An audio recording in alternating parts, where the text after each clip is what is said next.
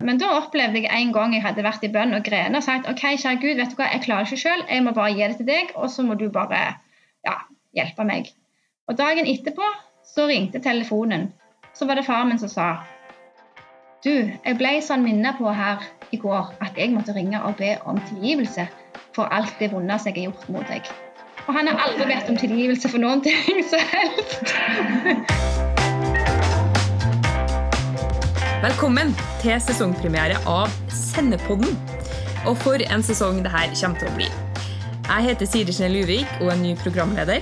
Jeg bor i Trondheim med min mann og tre barn, og er aktiv i kristent fellesskap her. Jeg er skuespiller, har ikke vokst opp i en kristen familie, har ingen teologisk utdannelse, og jeg har aldri laga podkast før. Men jeg er ekstremt nysgjerrig på hva det vil si å være en etterfølger av Jesus i det samfunnet vi lever i i Norge i dag. Hvordan møter vi mennesker som tenker annerledes enn oss, på en god måte? Går det an å være åpen om trua si uten å bli stempla som diskriminerende eller ekskluderende? Og hvordan kan trua hjelpe oss å mestre livet? Det her og mye mer får du i Sendepodden framover. Denne første episoden er en episode jeg skulle ha ønska jeg hadde hørt da jeg var 18 år. Episoden har fått tittelen 'Du er for bra for det her'. Hvordan se meg sjøl sånn som Gud ser meg. Vi skal gå inn i det her via det som står i Bibelen om å ta vare på hjertet sitt. Ta vare på hjertet framfor alt du tar vare på, for livet går ut ifra det, er et kjent bibelvers. Men hva menes med hjertet? Hjertet er stedet livet går ut ifra, står det. Vi kan si at hjertet er viljen min, meningene mine, følelsene mine, tankene mine, det jeg liker og ikke liker, det som gjør meg til meg. Det vil si at det livet du lever, har sammenheng med hvor godt du tar vare på deg sjøl. Og for at jeg skal kunne ta vare på meg sjøl, så må jeg være overbevist om at jeg er verdt å ta vare på. Og hvordan kan jeg bli overbevist om det her hvis jeg har gjort meg erfaringer som tyder på det motsatte? Hva betyr det egentlig i praksis å ta vare på hjertet sitt? Og hva om noen andre skader hjertet mitt? Hva gjør jeg da? Og hvordan kan jeg ta vare på hjertet mitt samtidig som jeg gjør meg erfaringer i livet? Det enkleste hadde kanskje vært å låse seg inn og sørge for at ingen noen gang kan såre meg.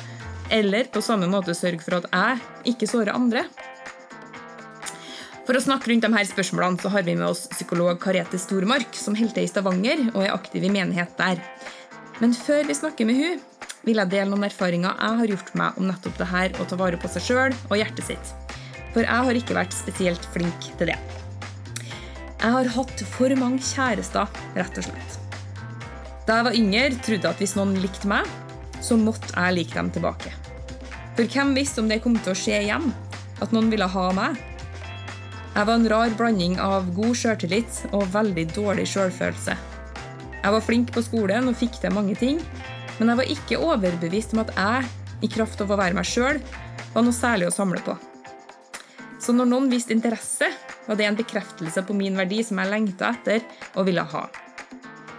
Man kan jo tenke at det ikke er så dumt med erfaring på kjæresteområdet, for da vet du litt mer om hva du setter pris på og ikke i et forhold. Men det jeg ikke tenkte på da jeg var yngre, var at kjærester setter avtrykk i hjertet på godt og vondt, og at det kan være vanskelig å komme seg videre.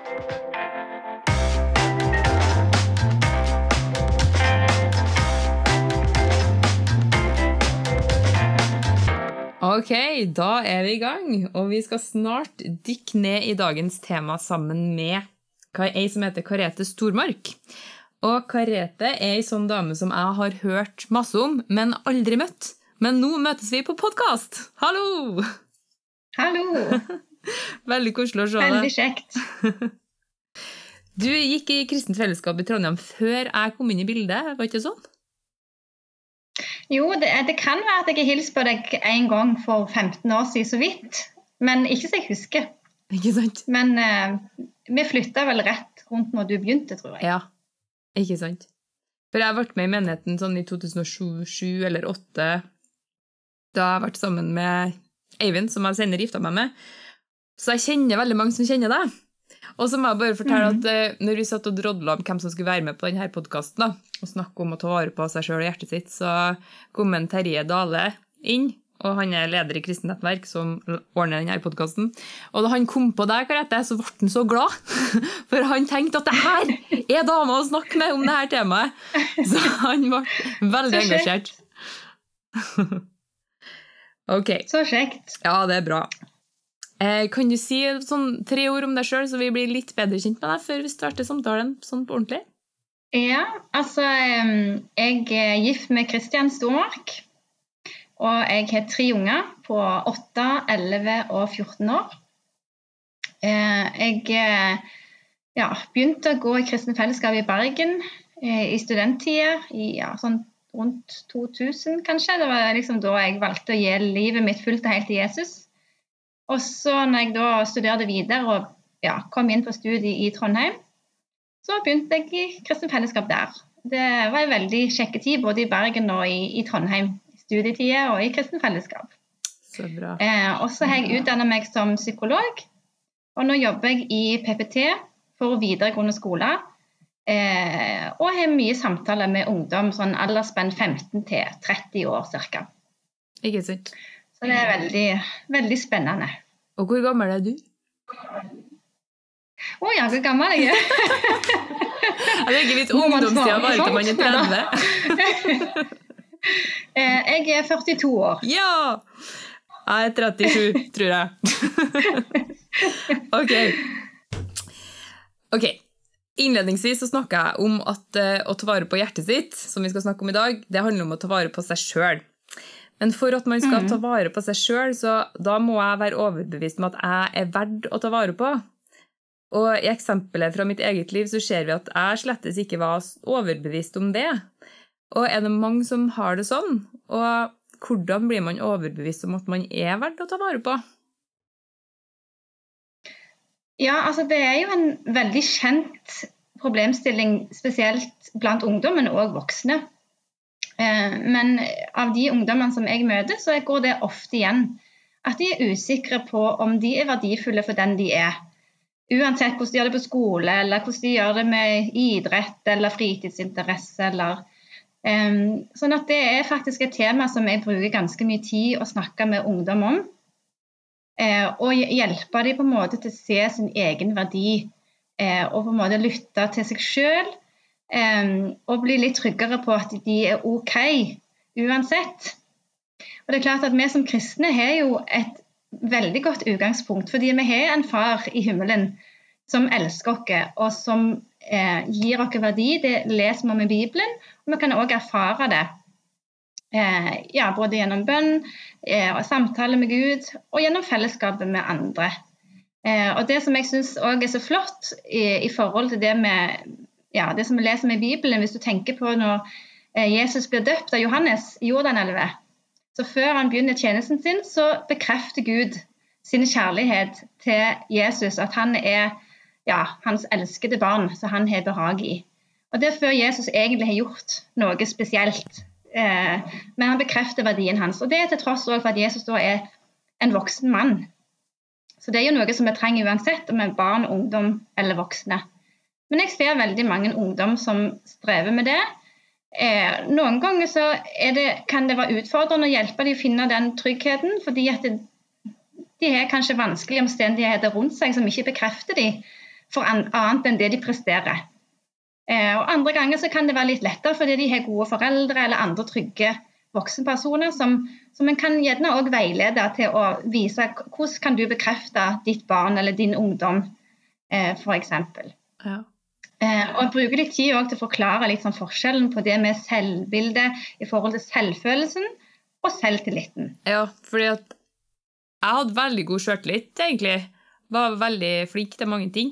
Også, men sjølbildet mitt var ikke så veldig topp, oppdaga jeg da. Nei, så det er på en måte litt sånn det å vise dem at en kan godt ha en god sjøltillit. Dvs. Si at en har tro på at en er flink på skolen, det går mer an å prestere, er flink i idrett. Men hvis du tar vekk de prestasjonene, hva står igjen da? Er du da verdt å elske når du ikke presterer? Um, og Ofte så kan ungdom da merke det, f.eks. de blir syke, eh, enten fysisk eller psykisk, og klarer gjerne ikke prestere på samme nivå.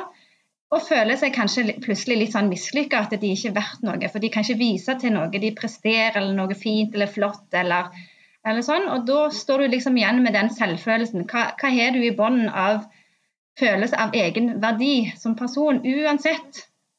Um, og det kan være utfordrende for mange. Jeg hadde mormora mi uh, Hun ble veldig dårlig når hun var gammel. Og hun hadde store problemer med å, å se sin egen verdi når hun ikke kunne være til nytte. Mm. Men uh, hvordan sånn Hva sier du til dem, da? Hvis man har opplevd f.eks. at eh, man har situasjoner rundt seg som gjør at man blir fortalt igjen og igjen at man ikke er verdifull, om det er vanskelig familiesituasjon eller andre ting. Hvor liksom begynner man for å bygge verdi, eller visshet altså om verdi? Det første jeg ofte gjør, er å hjelpe dem å se på en måte hvem i livet sitt er det som er gode, trygge voksenpersoner. Eller for så vidt jevnaldrende òg. Eh, for de aller fleste har minst én som de er trygge på. De aller fleste. Så det, jeg ofte bruker litt tid på, er å kartlegge litt hvem er det som er trygge personer for deg. Hvem, hvorfor personer er det som får deg til å føle deg vel? Du kan være deg sjøl. Eh, du kan snakke om alt fra himmel til jord. Alt er liksom lov. Og det er lov å le det er lov å grine. Hvor kan du være deg sjøl? Hvem tar imot deg for den du er? Um, så som regel så finner en jo en eller annen, om det er en besteforelder eller en forelder eller en god venn eller mora til ei venninne. Um, og så bruker jeg på en måte tid til å, å måte hjelpe dem å gjerne velge de gode relasjonene der de får en bekreftelse eh, på sin egen verdi. Eh, og så må en kanskje òg utfordre litt. Eh, og ja, det er jo ikke alltid at det er like lett, men kanskje utfordre litt på hva, hva ville du tenkt om dine venner? Ville du tenkt de kun var verdifulle hvis de kunne vise at de var flinke på skolen? Nei, jeg vil jo ikke det. Eh, og få dem til å se, men Hva med deg, da? Det for, skal det være forskjell på deg eh, i forhold til hva du tenker om andre, f.eks.? Mm. Eh, og så må en kanskje òg hjelpe dem å ta litt sånn tanker til fange som er negative, eh, og som plager, og, og, og ja, bryter de ned. For ofte så handler det jo òg om, om, at en kanskje blir påvirka av media, eh, ja, ting de ser på, på, TV eller på sånn type influensere, som på en måte blir litt sånn rollemodeller som ikke nødvendigvis er positive for dem. Mm. Det må kanskje av og til hjelpe dem å bryte noen mønster og velge eh, å hente på en måte det gode fra andre miljø, f.eks. Ja. Jeg tenker på eh Innledningsvis snakka jeg om at man for å kunne ta vare på hjertet sitt, så må man ta vare på seg sjøl. Og, mm. og jeg husker i ungdomstida så var jeg helt sånn der Mamma var sånn Siri, du må bare være deg sjøl. Kom igjen, slapp mm. av, liksom. Og jeg bare Ja, men jeg vet ikke hvem jeg er! så og, og hvordan finner man liksom ut det? Hvem man er? Nei, Det er et veldig godt spørsmål. Og jeg tenker Det er jo en prosess. På en måte en livslang prosess òg. Men akkurat ungdomstida er jo en sånn identitetskrisetid. Sant? Hvem er jeg? Utenom foreldrene mine. Sant? Fram til da så kanskje foreldre må de som har definert hva verdier jeg har, hva jeg mener, hva jeg syns. I større grad. Så skal en bli på en måte mer og mer selvstendig, ta egne valg, bli voksen en sånn løsrivelsesprosess. Noen starter tidlig med den, og andre starter kanskje når de er 30. men, men det, det, er aldri for seint. Men det, jeg tenker det er en sånn prosess som en går gjennom.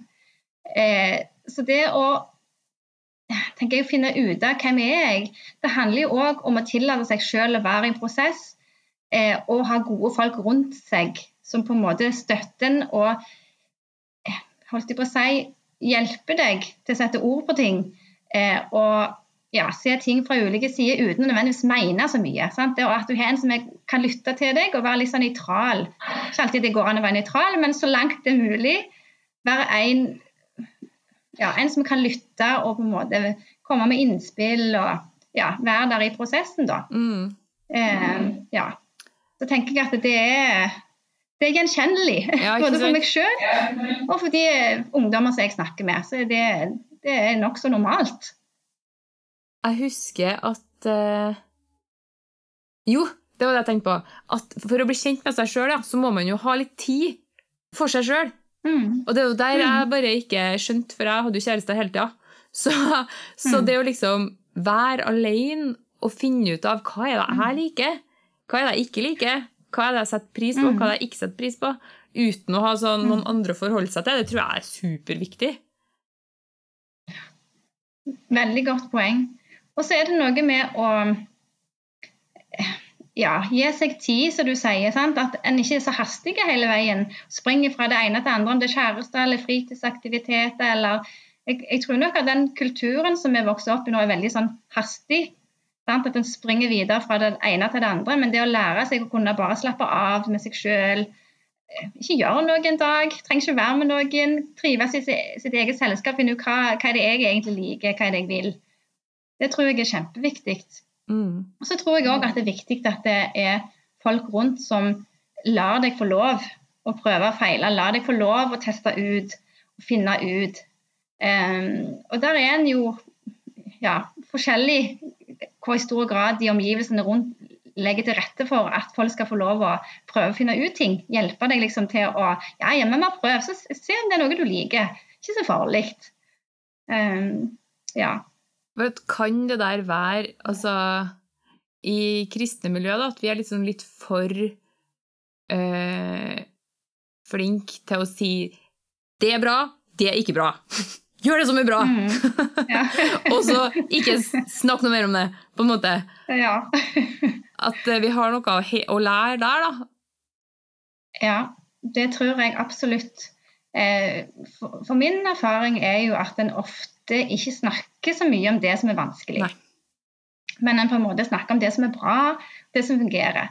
Det er jo i utgangspunktet en god ting. Eh, Men så er det noe med det at det, livet er jo livet. Uansett om en er kristen eller ikke, uansett om en er ungdom eller voksen eller barn, så er jo livet utfordrende til tider. Um, Og det å tenke gjennom hvordan snakker en om disse tingene? Sant? Er en en trygg havn eh, for ungene og ungdommene i, i, i menigheten f.eks., der de kan komme til, til oss som voksne? Eh, eller på en måte gir vi uttrykk for at nei, vi fikser alt, og vi er perfekt, og vi, vi dette har vi skjønt for lenge siden. Og, eh, da blir terskelen ganske høy for å tørre å komme og snakke med, med en voksen person, tenker jeg. Så en må liksom legge terskelen litt ned. Og så er det klart at det er jo, skal jo være forsiktig, skal jo ikke dele alt sant? i forhold til sensitive, private ting. Men når en har gått igjennom vanskelige perioder i livet, så kan en spørre seg selv er det noe av dette som jeg tror kan være til nytte for andre rundt meg. Men hvis jeg snakker litt om dette og forteller litt om hvordan jeg har hatt det, hva jeg har tenkt av tunge tanker og vært igjennom av problemstillinger, men liksom kommet meg igjennom, kan det være til hjelp for noen andre, sånn at de kan liksom kjenne igjen Oi, sånn har jeg òg det. Og at, at du kan være en sånn som kan løfte temaer som kanskje kan være vanskelige. Jeg tror det er litt sånn skambelagt mange ganger til å snakke om det som ikke fungerer. Um, og det ser jeg for min egen del, meg og mannen min, vi har alltid på en måte valgt å være veldig åpne når vi har hatt det vanskelig i ekteskap eller i forhold til barneoppdragelse. Vi er veldig forskjellige. Um, men på en måte liksom valgt at vi må bare være helt åpne og ærlige med at av og til så er livet tøft, og vi fikser det ikke. Vi får det ikke til. Men vi ber om hjelp, både jeg, hos Gud og hos mennesker, og så kommer vi gjennom. Uh, og det ser jeg at det har åpna for mange samtaler for andre, både kristne og ikke-kristne, som liksom Oi, dere er jo sånn, ser ikke sånn ut.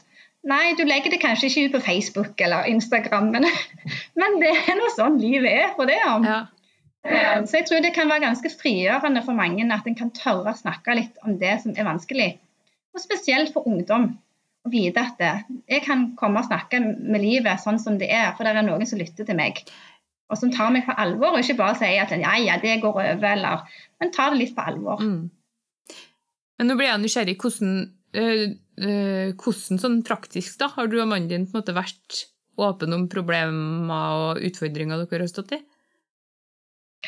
Eh, altså både så har vi jo vært med og holdt sånne ekteskapskurs, både når vi gikk i Kristne Fellesskap i Trondheim, men òg eh, i Stavanger. Eh, men så er det jo de der uformelle pratene, enten på cellegruppe eh, eller når du på en måte er med venner rundt et middagsbord. Sant? 'Ja vel, hvordan går det?' Eh, nei, akkurat nå så går det ikke så bra. Uten at det skal på en måte ta, suge energien eller ta negativ fokus, men å snakke ærlig om det. Ja, jeg tror det er superviktig. Og så tror jeg òg det er superviktig når, i forhold til yngre, yngre folk at, kan, at, vi kan skape en kultur der de kan komme til oss og si ting uten at vi skal liksom dømme dem. Mm. Eh, fordi det er liksom en vanskelig dualitet som vi står i, at vi har liksom noe som vi tror er rett og riktig. Men mm. så vet vi jo alle at vi går jo i, i fella, skulle du si, og vi driter jo på draget alle sammen innimellom. Sånn at eh, det å liksom eh, på den ene sida stå for at det her tror vi er bra for deg, og på den andre sida mm. liksom høre på hva den personen har å si uten å dømme, da, og liksom bare mm. Og der tenker, jeg, der tenker, jeg, det er superviktig å, å, være litt ærlig om sine egne erfaringer òg. For det er jo ingen av oss mm. som har gått gjennom ungdomstida eller ung voksentid eller generelt livet uten å liksom virkelig gå på noen smeller. Mm. Nei, det er akkurat det. Mm. Ok, men litt, spole litt tilbake, da. For hvis man liksom Hvis man virkelig sliter da, med å se fordi konsekvensene av å ikke se sin egen verdi kan jo være så stor. Det kan mm. være mye på en måte både destruktivitet og, og depresjon og masse alvorlige ting mm. som kan få feste. Så hvis man virkelig på en måte sliter med å se seg sjøl som verdifull, sånn som Gud har skapt deg, har du noen tips, liksom? Altså Det beste tipset det er jo å søke hjelp, og ikke gå alene med det. For det er klart at vi kan komme til Gud med alle ting, men Gud virker jo ofte gjennom andre mennesker. Um, og det trenger ikke nødvendigvis være en psykolog, men, men en, jeg, en, person som har noen form for kunnskap eller kompetanse eller erfaring som gjør at en kan få hjelp mer enn bare å bli lytta til eller bli bedt for, eh, som òg er fint, men som kanskje kan veilede deg mer. Og det kan jo være alt fra profesjonelle, eh, som ikke er i meningssammenheng, men det kan òg være hvis en har sånn type veiledningstjeneste i menigheten, eller ikke sant. Men ofte så trenger en kanskje litt hjelp over tid til å få satt ord på ting en har vært igjennom. Noen trenger kanskje traumebearbeiding mer sånn profesjonelt. Mens for andre kan det være nok til bare å gå gjennom historien sin og få hjelp måte til å se sin verdi. Um, og det, her, det, det, ser jeg jo i forhold til det at de ungdommene jeg snakker med, så kjenner jeg av og til åh, Hvis jeg bare kunne liksom fortalt på en måte om Gud for Det har jeg jo ikke lov til jobben min. Men, men, av og til så kommer det til et punkt så tenker jeg at dette er det bare Gud som kan gjøre. Eh, sånn at når en har gått igjennom en del prosesser med, med en annen eh, trygg, kompetent person, så er det noen ganger en kommer til det punktet at her er det Guds inngripen og det tenker jeg òg er et viktig perspektiv. At Gud kan. Han kan gripe inn og gjøre stor forandring. Samtidig som jeg tror det er viktig å understreke at en får òg god hjelp gjennom mennesker. Og at det kan være med å forløse gjennom spørsmål, gjennom forbønn, gjennom trofasthet. Eh, og vise at en Jeg tåler deg for det om. Eh, sånn at en kan skape en trygg relasjon. Eh, men at noen ganger så tenker jeg her, her, her trenger vi et mirakel. Ja. Og det, det, har jeg opplevd har skjedd. Men selvfølgelig òg noen prosesser der, en kanskje ikke har sett at det skjedde umiddelbart, i alle fall. Um, men jeg tenker at Gud, Gud, kan ofte det som mennesker ikke kan. Selv om Gud virker gjennom mennesker òg, da. Ja. Jeg tror det er viktig å understreke at uh, det er ikke noen motsetning mellom å søke Gud og søke hjelp. Nei. Veldig viktig. Ja. Mm. Og så tror jeg mange ganger også kanskje at de som er rundt den personen, kan trenge hjelp og veiledning. For, for hvis en har opplevd mye ja, traumestår, avvisning, så kan en lett på en måte vise eh, avvisende ja, måte å være på overfor andre som gjør at du ikke kommer helt i posisjon for å få den bekreftelsen, fordi du oppfører deg veldig sånn Nei, vil ikke ha noe med deg å gjøre. Eller si frekke ting eller isolere seg. Eller, så, så mange ganger så kan en òg få god hjelp ved at de som er rundt, om det er venner eller familie eller ja, andre, eh, der en kan få liksom tips og råd. Hva gjør jeg da når den viser meg en kald skulder? Mm. Eh, det, det kan òg være lurt mange ganger.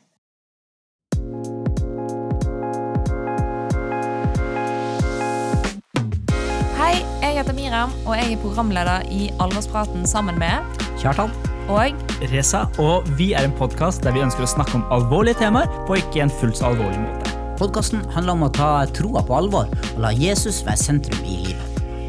Alvorspraten er en del av sennep.nett, og du finner selve podkasten i den podkastappen du lytter til.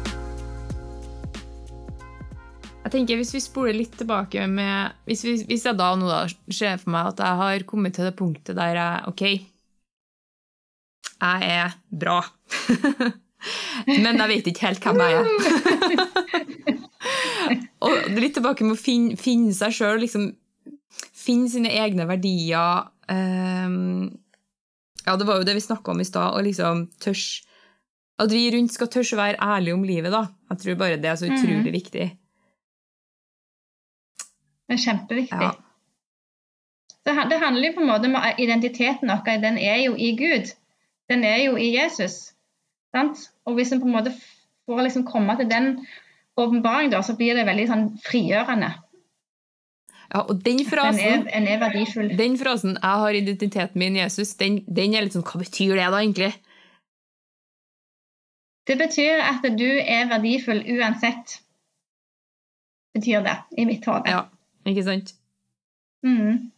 Det, det, handler ikke om hvordan du ser ut, eller eh, hva du presterer på jobb eller på skole, eller om du er kul eller ikke kul, eller det, det handler rett og slett om den verdien at du er elska og dyrebar for den du er.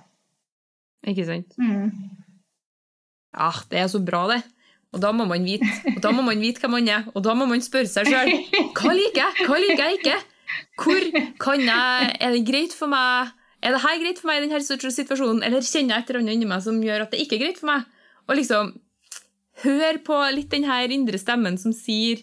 Jeg husker I russetida for eksempel, til meg så var det sånn der Jeg gikk på videregående på dramalinje, og da var det sånn Hei, hei, vi må kjøpe en flaske vodka til russetida. Og jeg bare Helligånd kjente at bare sa Siri, det er ikke så lurt. Du trenger ikke å gjøre det. Men jeg bare jo, jo, jo, det gjør vi! og liksom kjøre over litt den her indre stemmen som sier at mm. ja, jeg vet ikke helt, kanskje du tenkte deg to ganger om det der. Men jeg liksom bare tørs å høre litt på den, da, for jeg tenker det er den som mm. ofte kan være en sånn liten ledesnor i forhold til hva er det som er viktig for meg. Mm. Helt riktig. Og det, og det, er jo ofte sånn både i russetid eller andre sånn ungdomstid sant? En gjerne vil være lik alle andre. Sant? En vil ikke skille seg ut, en vil på en måte ikke være litt merkelig eller annerledes. Eller. Så da kan det lett være at en går med på ting som en egentlig ikke har lyst til eller egentlig ikke vil. Mm. Um, og det er også, jeg tenker, sånn, Man kan liksom oppmuntre hverandre til liksom, at det, når du velger å være ærlig, så er det flere som tør å være ærlige. Mm. Ikke sant? Sånn at det, det å hjelpe hverandre eh, og liksom bryte litt igjennom eh, og, ja, og for eksempel, Hvis en da har en trygg venninne som en er litt, litt sånn trygge på å si at du skal vi bli enige om at neste gang så, så er vi enige, at vi står imot. Det er ofte lettere barnet to ja. enn én det å finne liksom, hvem her kan jeg på en måte liksom, gå litt i lag med. Liksom, at vi bestemmer oss nå at nå står vi i lag på dette. Ja. Det, kan, det, kan, ofte være til hjelp. Ja. Den ikke føler seg helt alene. OK. Um, litt tilbake til innledninga mi om alle de kjærestene mine. fordi at uh, jeg har jo opplevd å bli såra, men har også opplevd å ha såra folk. Mm. Og um, det skaper jo også sår i hjertet mitt. Mm. Um. Og da var det veldig vanskelig for meg å skjønne og Det gikk veldig utover sjølbildet mitt, da, fordi det var vanskelig for meg å skjønne at nei, nå Det var litt sånn Nei, nå har du brukt opp den ene sjansen din, liksom. Nå er det bare mm. adios.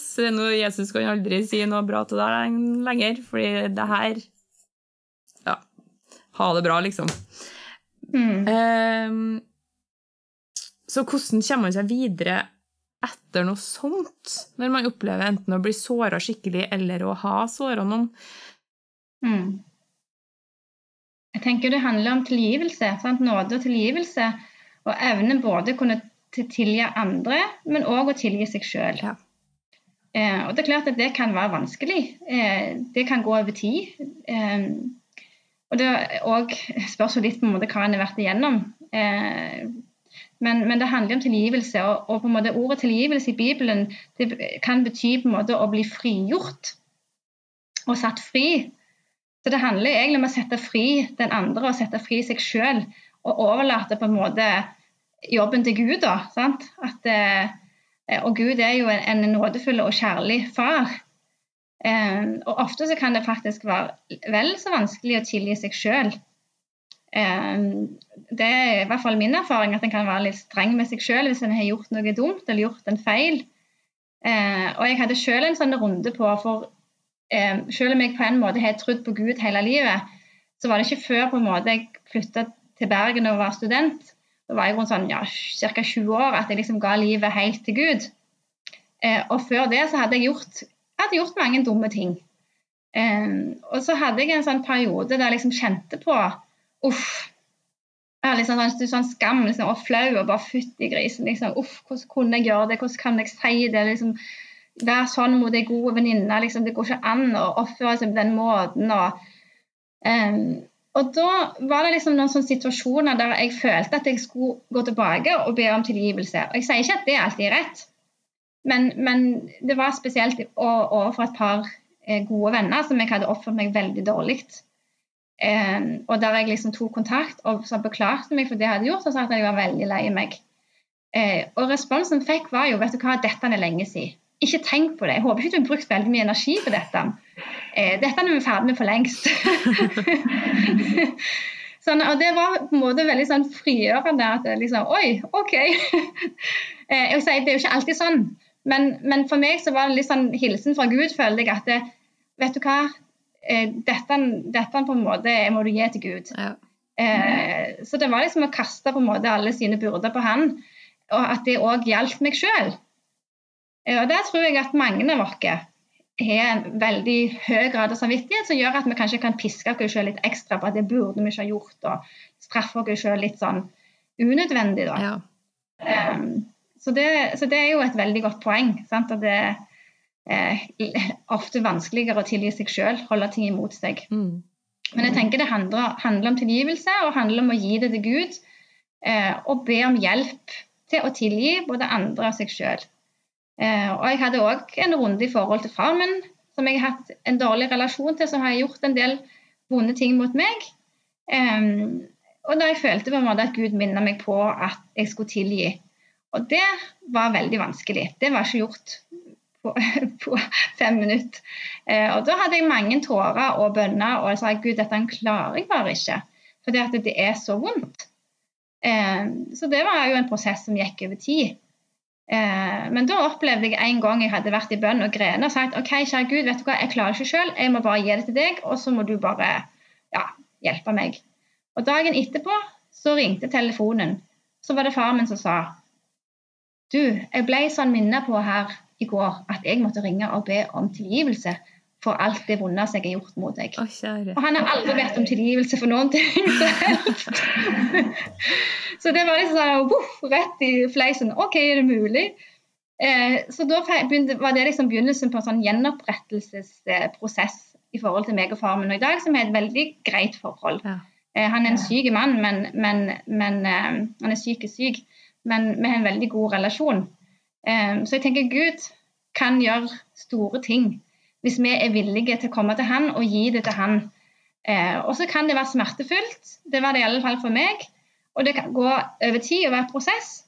Eh, men jeg tror at Gud kan virke i de tingene der. Mm. Mm. Mm. Takk for at du delte, Karette. Det var sterk historie. Ja. Um, Ok, vi skal begynne å gå mot en avslutning, men um, jeg har et spørsmål til, og det er Man kunne jo tenkt seg at det enkleste hadde vært å bare liksom låse seg inn og La livet gå sin gang uten å gjøre seg noen erfaringer, fordi da er man i hvert fall sikker på at hjertet Ja, ja, blir ja. skåna og ingenting skjer. Men det er jo ikke noe liv. Så Nei. hvordan kan man gjøre seg erfaringer i livet samtidig som man tar vare på hjertet sitt? Godt spørsmål. Em, men jeg tenker jo at dette livet er jo ikke Altså, vi er jo ikke perfekte, og livet er jo ikke perfekt. Eh, så det er jo, jeg tenker at det er jo ikke ment at vi skal låse oss inne og, og være redd for å gjøre feil. Vi skal ikke være styrt av frykt. Um, så vi må på en måte erfare livet eh, for å kunne leve det, og for å kunne finne oss sjøl og egne grenser. Eh, og jeg tenker at det, det viktigste der er jo egentlig at en på en måte reiser seg igjen. Ja. Sant? At når en faller, når en gjør feil, at en på en måte kommer til Gud og liksom sier OK, der, der bomma jeg totalt. Hjelp meg. Eh, og på en måte få hjelp til å reise seg sjøl igjen opp av de feilene og lære. Eh, og på en måte gjøre erfaringer og modnes. Eh, så det er klart at det er noen ting som er lettere å se hva er rett, hva er galt. Eh, men det er mange nyanser i livet som en vet ikke på forhånd eh, hvordan det vil gå.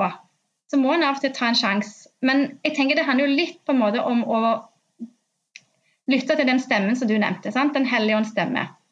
Det å våge på en måte å lytte til den stemmen. Og det er òg en treningssak. Og det er òg noe en lærer, tenker jeg, gjennom erfaringer og gjennom ja, feil, eller, eller at en på en måte velger dumt.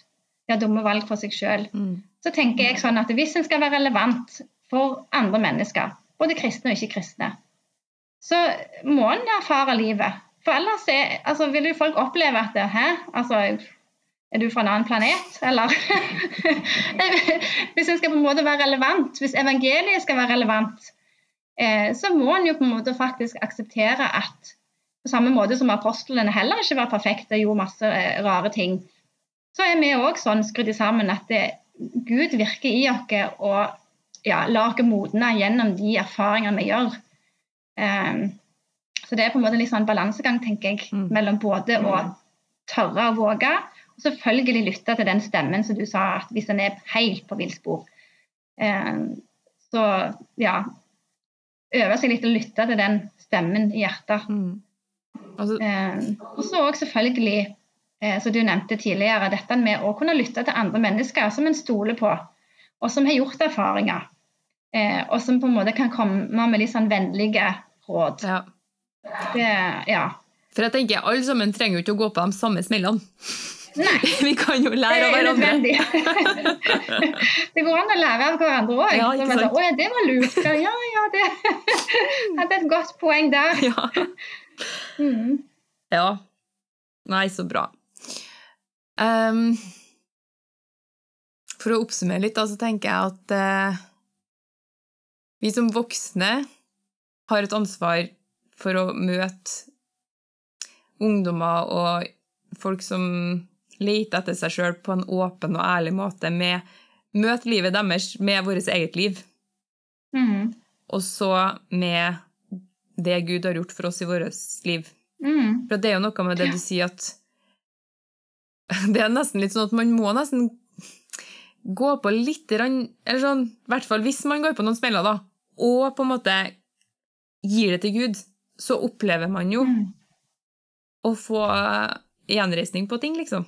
Selv om det kan ta litt tid eller være en kronglete vei, så, er det, så er det handler sånn som du sa, å erfare evangeliet.